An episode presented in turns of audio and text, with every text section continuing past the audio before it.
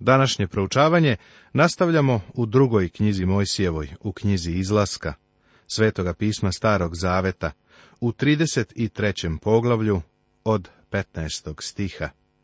I govorimo o Mojsijevom poslanju.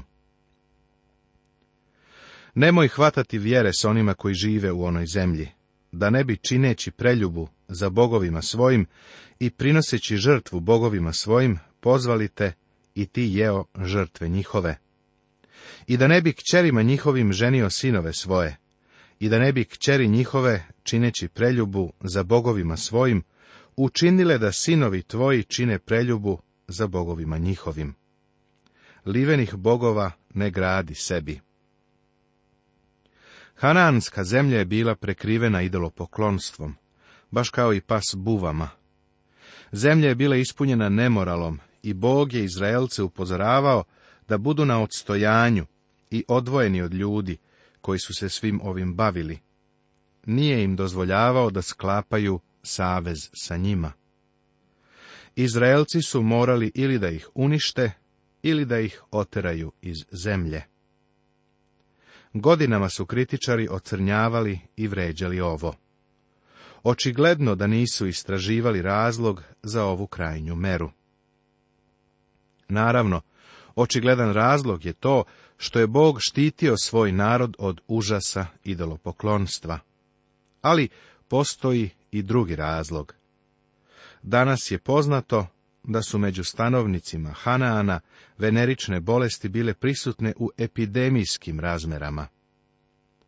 Bog se trudio da zaštiti svoj narod od haranja i pustošenja ove bolesti. Izrael nije poslušao Boga i nije u potpunosti očistio zemlju od ovih naroda, pa je onda i snosio posledice. Na kraju ih je Bog poslao u vavilonsko ropstvo. Ponovo se daje zapovest o praznicima i subotama. Praznik presnih hlebova drži. Sedam dana jedi presne hlebove, kao što sam ti zapovedio, na vreme, meseca aviva, jer si toga meseca izašao iz Misira. Bog priprema Izrael za ulazak u zemlju, tako što ponovo uspostavlja praznike i subotnji dan. Tri puta u godini, da se svako muško između vas pokaže pred gospodom, Bogom Izrailjevim. Bog zatim nastavlja i saopštava mnoge detalje u vezi sa različitim stvarima koje je trebalo da Izraelci rade, i da ne rade. Nemoj prinositi krvi od žrtve moje uz hlebove kisele i da ne prenoći do jutra žrtva praznika pasje. Prvine od prvoga roda zemlje svoje donesi u kuću gospoda Boga svojega. Nemoj kuhati jareta u mleku majke njegove. Izraelci su morali da na prvo mesto stave Boga. Jare nije smelo da se kuva u mleku svoje majke. To znači da su morali da izbjegavaju neprirodne stvari. Mojsijevo lice sjaj I kad Mojsije silažaše s gore Sinajske i držaše u ruci dve ploče svedočanstva silazeći s gore, ne znaše da mu koža na licu posta svetla, dokle govoraše s njim. I vide Aron i svi sinovi Izraeljevi Mojsija, a tomu se svetli koža na licu, i ne smeše pristupiti k njemu. Ali ih zovnu Mojsije, i vratiše se k njemu Aron i svi glavari u zboru, i govori s njima Mojsije. Potom pristupiše svi sinovi Izraeljevi i zapovedi im sve što mu kaza gospod na gori Sinajskoj. A kad im Mojsije izgovori, zastre lice svoje pokrivalom, ali kad Mojsije dolažaše pred gospoda da s njim govori, skidaše pokrivalo dokle ne bi izašao, a izašavši kazivaše sinovima Izraeljevim što mu se zapovediše. Tada viđahu sinovi Izraeljevi lice Mojsijevog, gde se svetli koža na njegovu licu. Te Mojsije opet zastiraše pokrivalom lice svoje, dokle ne bi opet ušao da govori sa njim. Poglavlje 35. Tema Subota Dragovoljni darovi za šator od sastanka. Veselejlo i Elijav su pozvani na rad. Ponovno naglašavanje subote. U ovom poglavlju gospod Izraelcima ponovo govori o subotnjem danu. Ovo se dešava treći put. Potom sabra Mojsije sav zbor sinova Izraeljevih i reče im, Ovo je zapovedio gospod da činite, šest dana da se radi, a sedmi da vam je svet. Subota počivanja gospodnjega. Ko bi radio u taj dan, da se pogubi. Vatre ne ložite po stanovima svojim u dan subotnji. Gospod insistira na tome da je prvi razlog za subotu to što ona pripada prvom stvorenju ili stvaranju. Bog se odmarao u subotni dan. Kako je čovečanstvo napustilo stvaralačku Božju ruku, počelo je i da odstupa od njega, od dana odmora. Onda je došao dan kada čovečanstvo u celini više nije prepoznavalo i uvažavalo Boga nego je počelo da obožava stvorenje, tvorevinu. Tako je čovek prestao da drži subotnji dan. Sada je Bog rekao da je subotnji dan poseban znak između njega i Izraelaca. Bog je počeo da postavlja zakone koji se više odnose na Izraelce u obećanoj zemlji, nego na bilo koje drugo mesto ako su radili u subotu, bili su na smrt kamenovani. Bilo bi vrlo teško održavati naše društvo, a da niko ne radi na šabat, odnosno u subotu.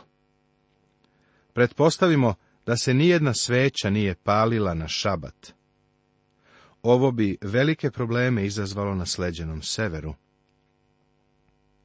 Bože i zakoni su smišljeni tako da odgovaraju zemlji u kojoj je Izrael živeo.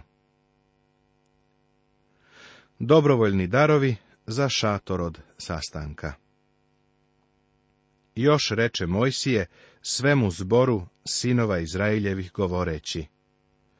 Ovo je zapovedio gospod i rekao.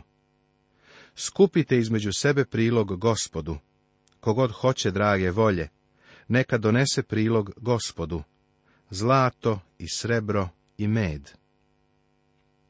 Ovi darovi za pravljenje šatora su morali biti dobrovoljni.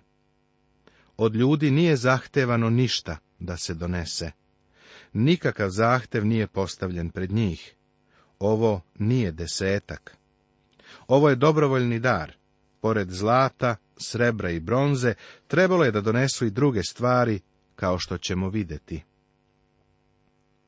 I porfiru, i skerlet, i crvac, i tanko platno, i kostret, i kože ovnujske crvene obojene, i kože jazavčije, i drvo sitim. I ulje za videlo, i mirise za ulje pomazanja, i kad mirisni. I kamenje onihovo, i kamenje za ukivanje po oplečku i po naprsniku. Ovo su različite stvari koje su Izraelci mogli doneti za izgradnju šatora od sastanka. U to vreme nije postojalo zakonito sredstvo plaćanja. Razmena se vršila razmenom dobara. Tako su Izraelci za gospodnje delo davali stvari umjesto novca. Ovo je još uvek način na koji ljudi mogu da služe gospodu. Pre nekoliko godina u San Diegu, u Sjedinjenim državama, jedan čovek našoj radio službi poklonio dva uređaja za snimanje. Ovi uređaji su bili vredni i stigli su nam u vreme kada su nam zaista bili potrebni. Mnogi ljudi misle da uvek treba da napišeš ček. Nemoj me pogrešno shvatiti, novac nam je potreban isto tako, ali gospodu se može služiti i kada se prilože stvari za njegovu službu. Stalno se postavlja pitanje, gde su Izraelci nabavili sve te različite stvari koje su dali za šator, kada su bili robovi u Egiptu. Seti se da je Bog rekao da će iz Egipta izaći za velikim blagom. Obezbedio im je da unazad sakupe svoje nadnice. Egipćani su bili tako srećni da zemlju oslobode od Izraelaca, pa su im dali sve što su ovi tražili. Tako je Izrael iz Egipte izašao sa velikim blagom. Veselejlo i Elijav su pozvani na rad. Tada reče Mojsije sinovima Izraeljevim, vidite, gospod pozva po imenu Veselejla, sina Urije, sina Orova, od plemena Judina. I napuni ga duha Božjega, mudrosti, razuma i znanja, i veštine za svaki posao. Veselejlo je čovek koga je Bog opremio i osposobio da pravi različite stvari, koje su u šatoru bile vrlo značajne. I dade mu u srce njemu i Elijavu sinu Ahisamahovu od plemena Danova, da mogu učiti druge. Bog je Veselejlu dao sposobnost da na druge prenese svoj dar. Napuni ih veštine da rade svaki posao, da kuju, tešu, vezu i tkaju porfiru, skerlet, crvac i tanko platno, i da rade svakojake poslove vešto izmišljajući. Šator od sastanka je bio divan objekat. Bio je dragulj u pustinji. Nije bio veliki, kao neko ogromno skladište, bila je to mala građevina. Na osnovu vrednosti metala od pre nekoliko godina, procenjuje se da je ogroman novac otišao na konstrukciju šatora od sastanka. A u vreme inflacije ova vrednost bi bila znatno veća. Šator od sastanka je bio dragoceni Boži dragulj. Bio je slika njegovog sina Isusa Hrista. Poglavlje 36. Tema Prilozi su uručeni majstorima. Liberalnost ljudi je suzbijena. Pravljenje zavesa. Pokrivalo. Zavesa veo i zavesa na vratima. Izgradnja šatora od sastanka. Ovo poglavlje se vraća šatoru od sastanka. Već smo vidjeli kakva su uputstva data o načinu njegove gradnje.